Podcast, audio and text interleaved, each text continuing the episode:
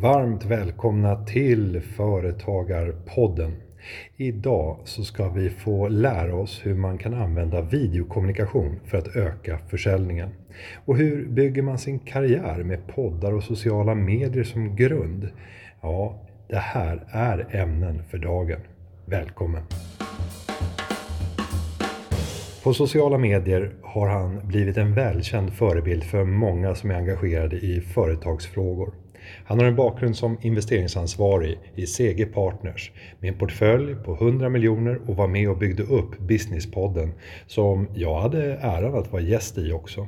Idag är han VD och grundare av techbolaget VAM. Vi säger varmt välkommen till Josef Fallesen som är med oss idag via länk från Marbella. Välkommen! Stort tack Inter! En ära att vara här. Eh, och eh, Marbella, det låter eh, stekigt värre. Vad, vad gör man där? Jobbar man eller har man semester? Många tycker det. Vi, har kontoret i Marbella men jag bor faktiskt lite utanför Estepona som inte alls många tycker, det, inte, det har inte lika stekstatus. Men vi har flyttat hit nu eftersom jag har ett bolag och driver mitt bolag, vi är ett distribuerat team. Så från och med i somras och fram till i november så kommer vi bo och jobba härifrån, jag och min fästmö. Och då får du berätta, vad är det för bolag du driver därifrån? Jag driver ett bolag, ett techbolag som heter VAM, eh, som står för Video as a Message. Och vi hjälper företag med att göra mer personlig engagerande kundkommunikation.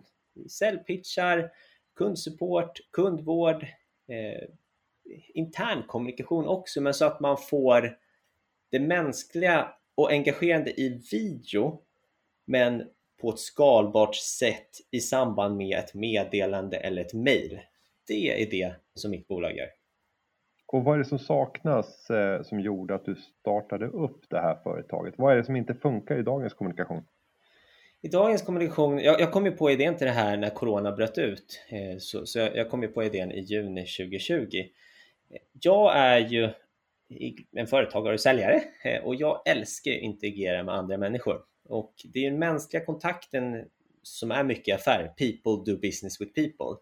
Och det kände jag att jag saknade i mejl. För få, fick jag, eller får jag väldigt långa textmejl så upplever jag att jag får ingen jag förstår inte riktigt vad du vill sälja till mig Günther lika bra, jag, förstår, jag får ingen känsla för dig.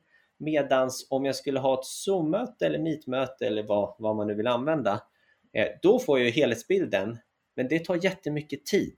Så jag, jag gick och klurade på, går det inte att få videomötet, en variant av det i ett skalbart sätt för att både skapa tid och bygga mer relationer snabbare?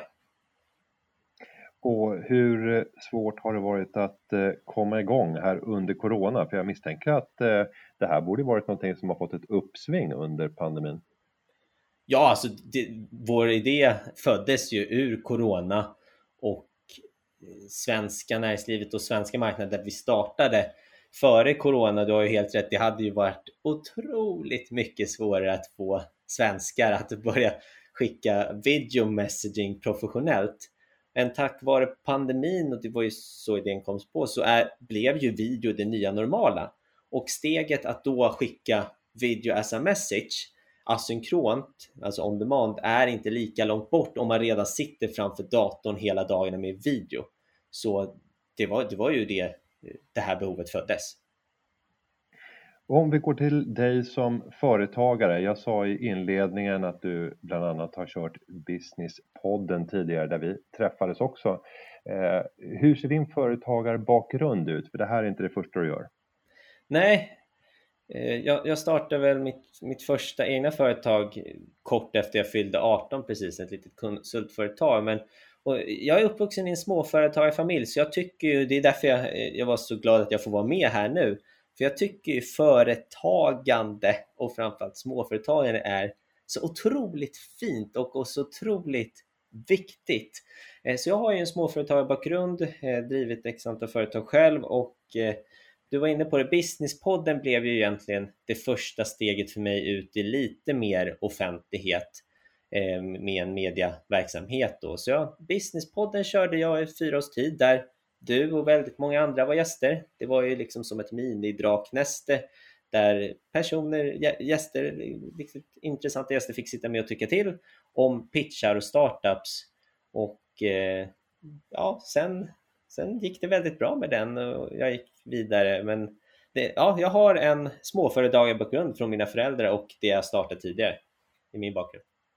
Och med din bakgrund, hur tänker du då när du startar upp VAM? Eh, är tanken att eh, driva det här under lång eh, tid framöver utan bortre horisont eller tänker du att det här är någonting som du vill bygga upp och sen kan göra en exit för att ge sig vidare i nästa projekt? Den här frågan får jag konstant från investerare också och jag har ju efter Businesspodden så var jag ju själv en investerare ett och ett halvt år eh, och suttit med och liksom bedömt tusentals bolag så, så den här frågan kommer ju ofta och jag har ett svar här som jag säger till alla som jag kommer säga till dig nu Günther. Jag vill inte göra en snabb exit för jag har suttit på andra sidan. Jag har ansvarat för en väldigt fantastisk person pengar och suttit och bedömt bolag och investerat i ett fåtal. Det var kul, det var givande, det var inte för mig. Jag är en företagare, jag är en säljare, jag går igång på byggandet. Så jag, om jag får bestämma och det går som jag tänkt, då kommer jag förhoppningsvis leda VAM om 12 år, om 15 år också. För att jag, marknaden och tajmingen nu, behovet är enormt stort hos våra kunder och det bara växer och jag, jag, jag lever mitt drömliv. Med, med det teamet jag har, med de kunderna vi har och är på väg in, nej, jag, jag ska vara här länge i tanken. Om vi då tänker på sättet att driva företag, eh, för du pratar om ett team som sitter på många olika platser. Hur många platser befinner sig teamet på? Eh, vad är det nu om jag tänker lite snabbt högt? En, två, tre, fyra. Ja, vi, just nu är vi distribuerat på sex olika platser. Vilka för och nackdelar ser du med den typen av arbetssätt? Det är lättare att dra till sig talang för att helt plötsligt så är inte bara Stockholmsbubblan vår marknad utan vi kan attrahera talang på ett enkelt sätt runt om i hela Sverige och ja, nu när vi börjar blicka utåt hela världen. Så det ser jag som en enorm fördel och också så uppskattar jag själv och teamet just friheten under ansvar. Att det inte är det klassiska 8 eller 9 till 5 utan att man kan vi fokuserar mer på jobs to be done. Vad ska vi göra och vart ska vi nå mer än att det är en viss tid mellan vissa ramar och det ger en mer fri, eh, frihet som, kan, som gör att vi kan dra till oss talanger som kanske vill ha lite mer, ja, men om man ska gå och hämta barnen på förskolan vid klockan tre eller fyra då är VAM plötsligt ett väldigt attraktiv jobbmöjlighet för oss för att här är det no-brainer. Vi kör ett distribuerat team, det som passar bäst för er eh, funkar så länge jobbet blir gjort. Så att, men för att inte bara måla, eh, sätta på det positiva glaset, det sätter ju mer eh, press på ledarna och alla, alla ledare på bolaget att vi måste ha bra tydliga processer. Vi måste dokumentera väldigt mycket av det vi gör så att det blir transparent så att det kan tittas tillbaks på på medarbetare som kanske inte var med på just det mötet och det, det blir ju det kan bli rätt rörigt om man inte har tydliga processer och där vill jag ge väldigt eh, kudos till mina två medgrundare Hampus Persson och, och Gohar Avagyan för att de, ja, de är helt fantastiska att få hela vårt bolag att flyta på grymt med tydliga processer, tydliga riktlinjer, hur vi jobbar med check-ins, med verktygen vi har för att få det att funka. Men Josef, om vi då ska försöka suga ut de bästa tipsen ur dig när det gäller att driva företag med vad du kallar då ett distribuerat team. Vilka typer av eh, arbetsmetoder tycker du är det viktigaste för att få det här att fungera? Du nämner struktur, men om vi går in mer konkret, vad betyder det? Veckovisa check-ins. Enligt mig så får det inte tummas på minst en gång i veckan en check-in så man får den här live-kontakten med sina medarbetare precis som man skulle ha på kontoret. Det, den sociala aspekten av det är viktig och då när jag pratar veckovisa check-ins då behöver det inte vara lika mycket fokus på det här ska jag göra utan mer sociala frågor, sociala eh, bandande så att relationerna hålls vid liv. Det är en väldigt konkret sak en annan konkret sak är, som jag var inne på, jag kan fördjupa det, dokumentera, använd någon form av eh, dokumentationsverktyg som ni i bolaget kan ha access till på alla möten, ha mallar. Det här är agendan, det här pratade vi om, det här ska vi, ska vi prata om och det här tog vi beslut på. Gör det väldigt tydligt att gå tillbaks och spåra så att även andra som inte var med eller människor som var med men kan titta tillbaks väldigt enkelt. Det är A och O skulle jag påstå, att skriva ner och dokumentera alla möten i princip. En annan viktig grej är också, och det var jättetrevligt när vi hade det i juni, att ha med löpande mellanrum eh, en gång minst i kvartalet skulle jag säga, minst eh, fysiska meetups. Att ändå, vi människor, man kan säga vad man vill om digitaliseringen och alla positiva, men vi behöver fysisk närhet. Så att gör det som en struktur att lägga in löpande meetups in person också så att ni kan få den fysiska aspekten i kulturbyggandet. Eh, de här tre sakerna skulle jag säga är nyckeldelar som får oss att funka riktigt bra. Och den sista saken som jag kan kasta in är att inte tumma på one-on-ones heller. Precis som man kan ha på fysiska kontor, att man går, ja men Günther, du, låt oss köra veckans snack, en månadssnack, att ha det strukturerat. För om du inte har one-on-ones så kommer information, eh, liksom informationsbortfall ske och missförstånd kunna uppstå. Så att det är väldigt viktigt också att ha den här förtroliga eh, one-on-one dialogen löpande. Och jag tänker på hela den här kulturella dimensionen som du är inne på när du pratar om de fysiska mötena. Det tycker jag är den största utmaningen i ledarskapet när man har arbetat med alla kollegor från distans och även så här, det innovativa klimatet som uppstår när människor möts. Eh, vilka typer av digitala verktyg kan du tipsa om för att eh, kunna få till stånd det som annars sker kring kaffeautomaten och i det lilla mötet och när vi överhör varandras samtal och i små möten på en arbetsplats? Där, där finns det där finns det två, två typer av kontorsverktyg. Det finns ett som heter ett internationellt som heter Tandem och ett svenskt, jag känner grunden till Teamico som är ett virtuellt kontor där du och alla medarbetare, och jag älskar den här typen av verktyg för där checkar man in på kontoret och hos oss varje dag som man jobbar så är man aktiv där och då antingen så sitter man i öppet landskap eller i större i rummet eller i något av mötesrummen då. Och det ökar sannolikheten enormt att någon faktiskt, just det du säger Günther, kaffematspratet, om någon är inne i fikarummet digitalt eller på öppet landskap då, då markeras det tydligt att okej, okay, Josef är helt fri att picka på, vinka, peta och så komma in, ja men Günther, du, eh, jag ser här att du, du är i köket. Det här kom jag på. Så det skulle jag säga är en väldigt uppskattad verktyg, ett uppskattat verktyg som gör att det blir lite, eller mycket mer ad hoc kommunikation kontra om man bara hade jobbat i schemat med sina eh, videomöten eh, som är bestämda.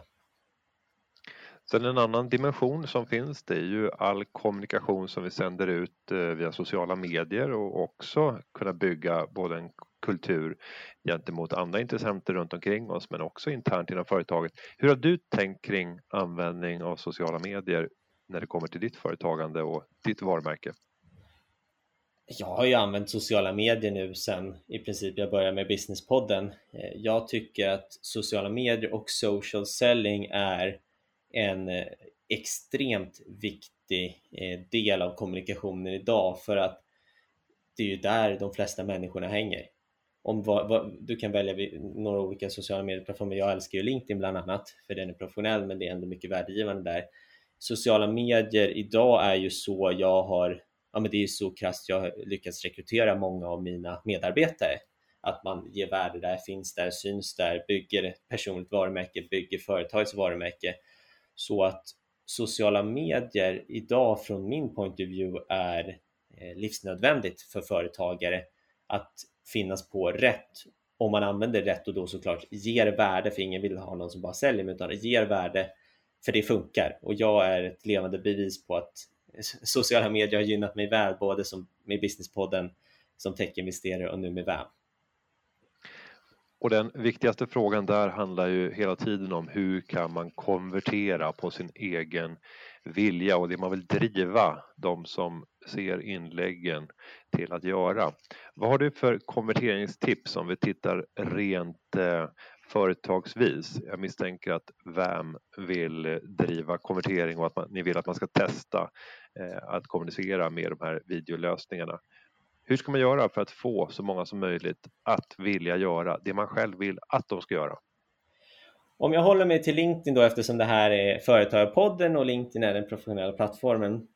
Så på LinkedIn har jag märkt att personliga konton, när jag själv som VD och en av grundarna eller någon kollega publicerar någonting kontra en företag kommunicerar det så ger det mycket mer reach och interaktion för att ja, någonstans tror jag med, med, med den nya tiden vi lever i digitala verklighet så är ju mer det personliga som säljer och en personlighet eller ja, en person som man bygger eller följer relation till.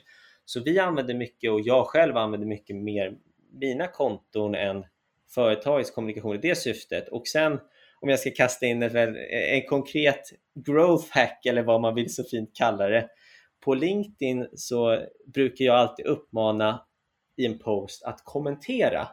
Eh, för att det, jag vill kanske inte eller jag vill inte i det fallet länka bort direkt till VAMs sida. För det gillar inte algoritmen på LinkedIn utan länkar jag bort från LinkedIn så stryper den min reach in och ut. Så det jag brukar göra när jag ska, som det fint få mer conversion det är att jag helt enkelt skriver kommentera här om du vill veta mer. Och sen kanske du Günther skriver in det här var intressant Josef, skicka mig rapporten. Eller kommentera här om du vill testa på mitt nya startup VAM som jag gjorde när jag lanserade. det för att när jag gör så, ett, så hjälper LinkedIns algoritmer mig att få spridning på mitt innehåll och två, eh, jag bygger relation kort, sen kan man ju ha det förskrivet och copy-paste in det meddelandet då.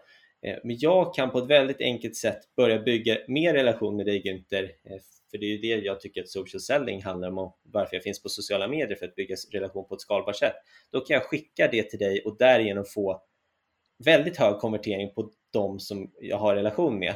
Så det är kanske inte vi, en objektiv vi först tänker att ah, det här var lite mer tidskrävande sätt men impacten är så mycket större. Men ett medskick som jag hör från dig det är att även om man har en professionell profil för företaget så måste man nästan blanda ihop sin egen personliga profil med företaget och jobba kanske ännu mer aktivt på företagets räkning Eh, på den privata profilen. Ja, det skulle jag påstå och här finns det ju aktivitet från det amerikanska näringslivet som backar upp det här. Vissa stora företag, fler och fler, betalar sina medarbetare nu i USA om de lägger upp, för att de har insett att ens medarbetare är ens främsta ambassadörer. Positiva, nöjda medarbetare är ens främsta ambassadörer i att dra till nya kunder och nya medarbetare. Så att, att bli mer såklart professionell, eh, inte privatpersonlig eh, på LinkedIn då och något i din roll som VD då för företagen eller säljare på företag X. Det, det blir mer och mer viktigt i den nya verklighet vi lever i. Om vi sen går vidare till själva pitchandet för att eh, själva försäljning handlar ju om att pitcha och jag tänker att du måste vara en av dem som har fått höra flest pitchar av, av alla, i alla fall i din ålder, eh, när det kommer till företag som framförallt kanske vill ha investeringar. Det var en av grundbultarna i Businesspodden. Eh, vad tar du med dig när det gäller själva pitchandet som sådant för att det ska bli effektivt och kunna få önskvärt utfall?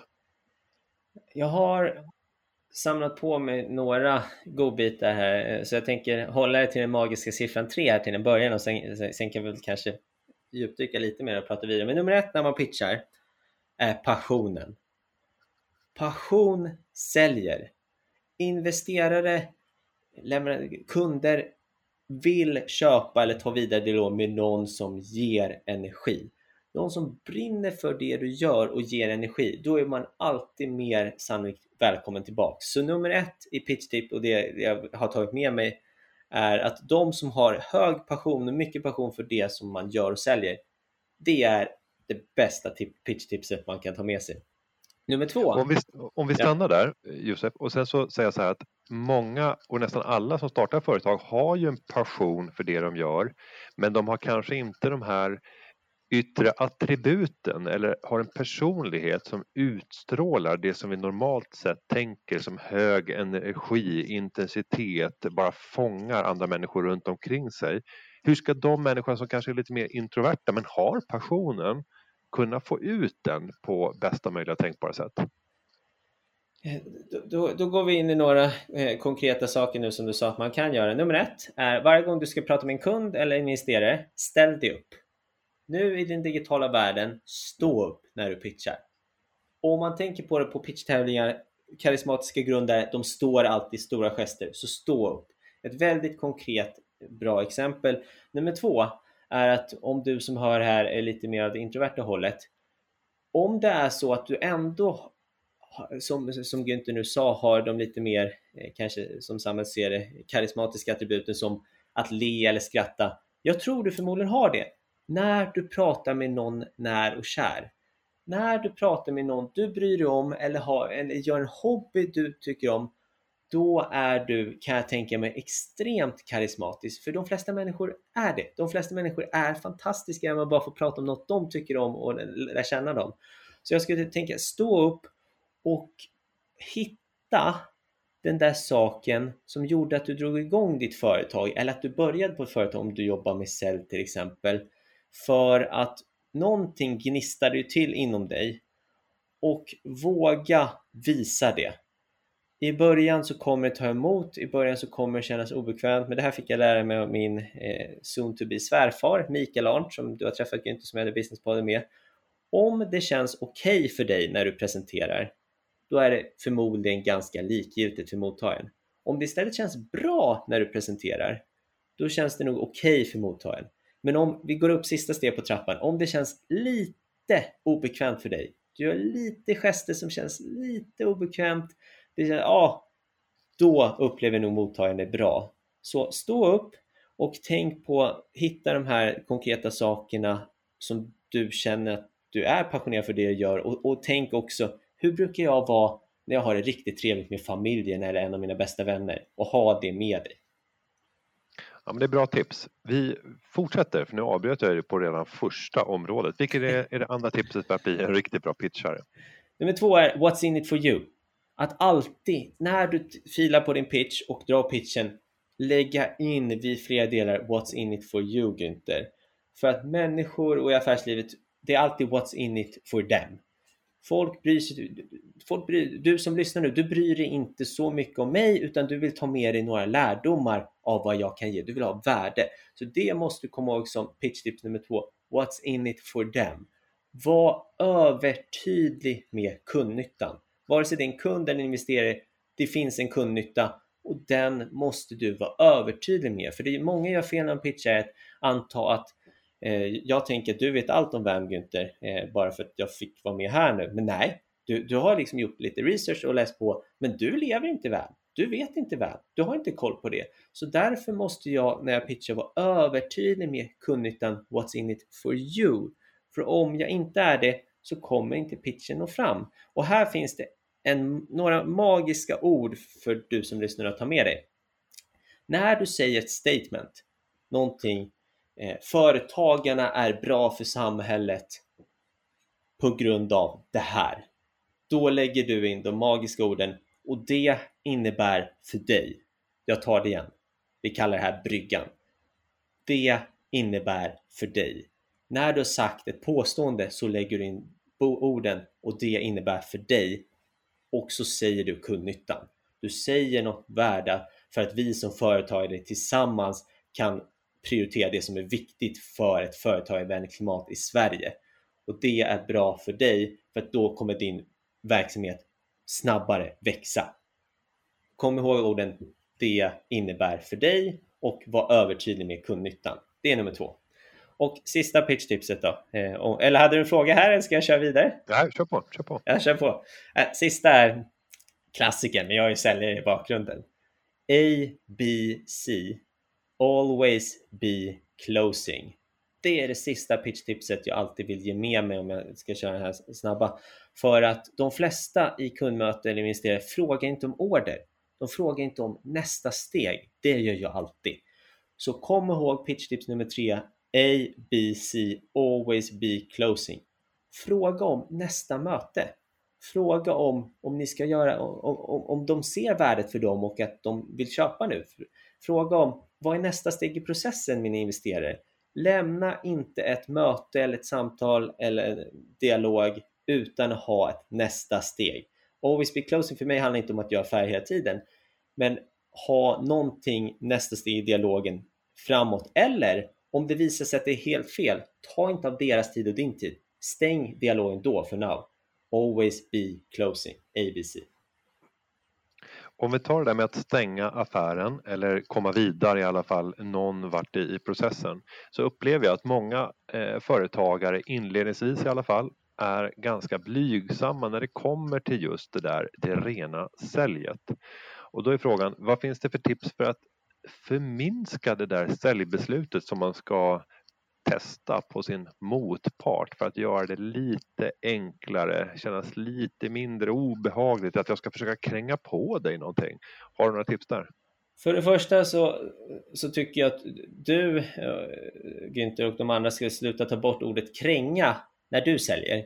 För när du mm. säljer som hör det här, du ska inte kränga. Kränga är inte bra, utan kränga är pushigt, utan du ska tänka att du ger värde och säljer. Så det är nummer ett, ta bort ordet kränga för att du vill ändå inte sälja till någon som inte behöver din tjänst. Det är nummer ett, utan det nya sättet att sälja är att du vill ju sälja till dem som du vet i maggropen, i hjärna och hjärta, de här får värde. Är man medlem hos Företagarna som en småföretagare så får man enormt värde. Jag vet vilket medlemskap ni har, det är jättemycket saker. Det behöver du tänka på att ha med dig, för då blir tröskeln mindre att fråga om order när du inte tänker att du kränger något, utan att du tänker att du ger dem ett värde. Att deras pengar är mer värda hos dig för det värdet du ger. Och sen älskar jag också att säga något som heter alternativavslut. Att ge två alternativ. Så i ett exempel så skulle det kunna vara Tack för ett fantastiskt samtal Günther. Så kul att snacka med dig. Du har verkligen förstått the power of video, video messaging och VAM. Så nu när du förstår varför video och asynkron video är viktiga, så då tänker jag så här, ska vi köra på pre premiumkonton åt hela företagarna eller tycker du det känns mest rimligt att börja med åt tre säljare eh, som ska framförallt använda det här i kunddialogen? Vad tycker du känns bäst? Och där får du också en naturlig fråga som ändå sätter att du börjar tänka på att du förmodligen kommer välja det mindre alternativet, men då är ändå dialogen igång och i, i många fall så kommer du inte ens välja något av dem. Men du, jag har ändå sått ett frö till, okej, okay, nu börjar vi gå mot att göra en affär. Så det är lite grann som cykelsäljaren där. Vill du ha en blå eller röd cykel nu? Det är väl frågan. Frågan okay. att vill du ha cykel överhuvudtaget? Den finns inte på kartan. Ja, precis, och det är därför jag sa den här som nummer två nu, för att om, om man annars, om det här skulle varit Eh, Eh, en, en, annan typ av intervju som kanske liksom skulle klippas och klistras på ett annat sätt. Då kanske man skulle klippa ut det och bara säga Aha, nu, nu kränger vi, så här kränger man. Men det är inte det som är meningen, utan det viktigaste är att du alltid har rätt dialog med, med människor och, och gemensamt kommer fram till innan du ens ställer den frågan, om du hör när du gör din behovsanalys, det vill säga pratar med din kund, har dialog. Det här är helt fel. Jag ska inte sälja en cykel till Günther då ska inte du pusha igenom det. Så steg ett är ju att få fram till finns det faktiskt något värde att ge till Günther om man ska ha cykeln? Och när ni gemensamt, när du har fått höra att mednickningar och medhåll och det är bra, då när du är lite längre del då kan du ställa frågan när du från ditt håll upplever att här finns det x antal datapunkter på att Günther behöver en cykel.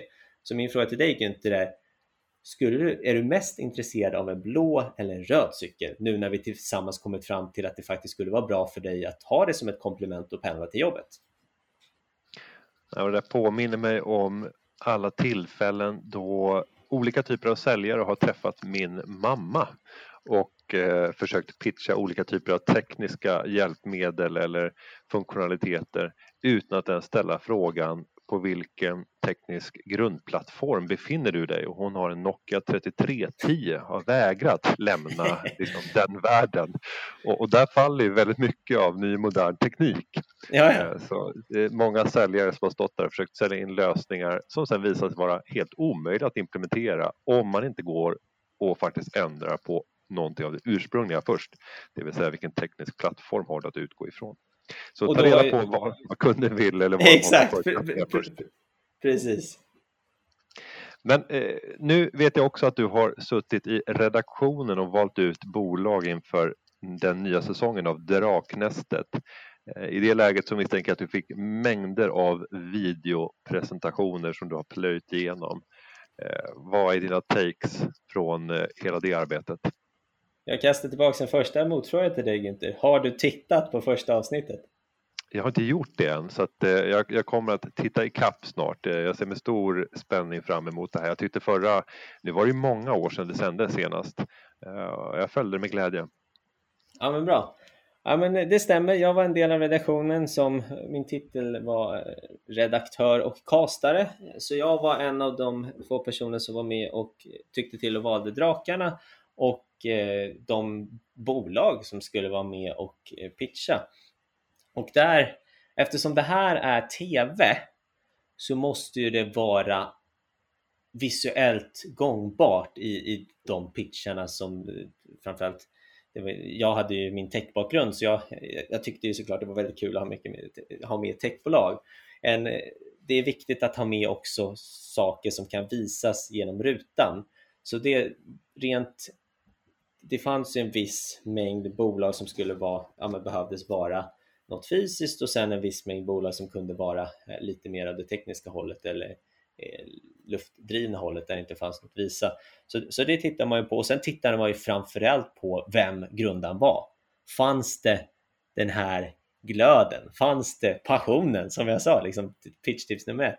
Eh, brann personen för, ja men om jag ska ta ett exempel några som stack ut i pitchandet och som var med och nu har ju det sänts så nu kan jag prata om det. Redlocker, de säljer ju röda boxar med fria mensskydd de har ju stor passion, ett stort why för något som är större än dem. De ska ju förändra av vad som faktiskt borde finnas ute på alla företag och eh, skolor och myndigheter ute. Så, så det är ju ett exempel på några som verkligen fick det rätt. Och vad är eh, den absolut svåraste utmaningen för att kunna tränga igenom? Passionen säger du. Finns det någonting annat vi ska ha med oss om man ska försöka tränga igenom i sådana här pitch-sammanhang? Eh, passionen och förenklandet skulle jag säga. Gör det så tydligt och enkelt som möjligt. Visa att du har passion och, vi, och måla upp vad problemställningen är eller vem kunden är och sen på en, två meningar hur du löser det. Du behöver inte gå in så mycket i detaljerna där och då just vid en sån här pitch. En passionen, problemställningen, din lösning med en, två meningar, då, då kommer man en väldigt lång väg om man använder video och har med det här skulle jag säga. Och är man med i Draknästet så gör man ju det för att man eh, oftast vill få in kapital som behövs för att kunna driva bolaget eh, i en viss riktning och kunna nå sin fulla potential. Om du ska sammanfatta några tips när det gäller att ta in externt kapital, vad ska man tänka på? att det ska vara rätt investerare. När du tar in kapital så tar du in en ny delägare som kommer sitta med dig förmodligen i 3, 5, 10 år framöver. Så personkemin, eh, att du har gjort, läst på om hen innan så, så du känner att det, det finns värde att ge. Det skulle jag säga är extremt viktigt för ni kommer sitta med tillsammans antingen med rapporter eller med styrelsemöten så personkemin och att det ges mer värde än bara pengar. Det är nummer ett skulle jag säga. Eh, det är det, är det, det absolut viktigaste. Och sen tänka som nummer två, behöver du verkligen pengarna? För man, jag tycker aldrig att no, någon grundare som har kommit på någonting ska släppa in externa delägare om det inte finns ett, om, om du inte har ett, jätte, du som hör ett jättetydligt svar nu att vi behöver växa snabbt vi kommer inte kunna få in tillräckligt mycket kunder för att bygga just nu en lönsam eh, bolag så att vi kan anställa eh, ut efter Eh, av vår eh, likviditet. Då, ja, då, då behövs förmodligen en investering. Men om du ser att du kör inte det racet, du kör inte riskkapitalracet och du har inte tydligt varför, då skulle jag aldrig rekommendera att ta in pengar eh, om det funkar utan det. Så det är väl två relevanta och konkreta. Jag kan dela med mig snabbt här om du inte har någon följdfråga. Nej, och jag tänker just på det där viljan av att snabbt driva upp bolaget för att bli så stort som möjligt. Ehm, det är ju inte alltid som det är det självklart logiska att göra. Ehm, I vilka lägen ser du att det är så kritiskt att bolaget måste växa fort och ta en position? Tyvärr så är det ju mycket inom tech och det är ju ett vedertaget begrepp bland riskkapitalister och investerare och vissa grundare att först till marknad. Är man, eh, jag ska inte säga den absolut första, för det finns inte så mycket datapunkter som har visat det. Om man tittar på eh, Zoom och Spotify och Klarna, de var inte de absolut första, men de var väldigt tidiga. Så det är ju en faktor som driver på eh, att riskkapital behövs för att vinna mark är det en teknisk ny lösning som verkligen revolutionerar en liten del av produktionsprocessen i hur man producerar grön el. Ja, det området kommer växa, det kommer växa markant framöver. Då kan det nog behövas riskkapital för att snabbt vinna mark och ta position så att du har pole position, alltså frontpositionen med kunder. Eh, men ja, det är tech, olika former av tekniska lösningar som där det behövs produceras eh, och där det är en ny marknad, där skulle jag säga det, det är hyfsat vedertaget, där behövs det riskkapital och har behövts de senaste, inom väldigt många branscher, de senaste 10-50 åren, 100 åren. Men utöver det så är, klarar sig många rätt bra utan riskkapital, men just inom tek, ny teknik där det gäller att vara tidig på bollen, där är riskkapital uppskattat. Och som avslutning så tänker jag Josef att du måste ha utvärderat väldigt många olika affärsidéer för egen del innan du väl bestämde dig för att göra det du gör idag. Om du får tänka tillbaka på hela den tratten som sannolikt fanns där du utvärderade hundratals olika möjligheter. Vilka olika typer typer av eh, tjänster eller produkter är det som du ser som spännande att starta bolag kring idag för att kunna bli framgångsrik de kommande åren? Jag skulle säga att det är individbaserat. Varför VAM passar mig som handen i handsken är för att jag har jobbat med videoförsäljning, social selling och kommunikation och sälj ja, i extremt många. Jag har jobbat med sälj över 10 år och video över 5 år. Så det var väldigt naturligt för mig. Det kändes, ah, direkt när jag kom på det. Och det vill jag skicka med att du, om du ska grunda något och gå i tanke, vad ska jag starta? Jag, jag är ju mer av den här, eh, vad säger man, passionerade grund, ide, idealistiska grunden kontra mer den eh, grunden som ser lösningar och hål i marknaden och bara, nu kör vi.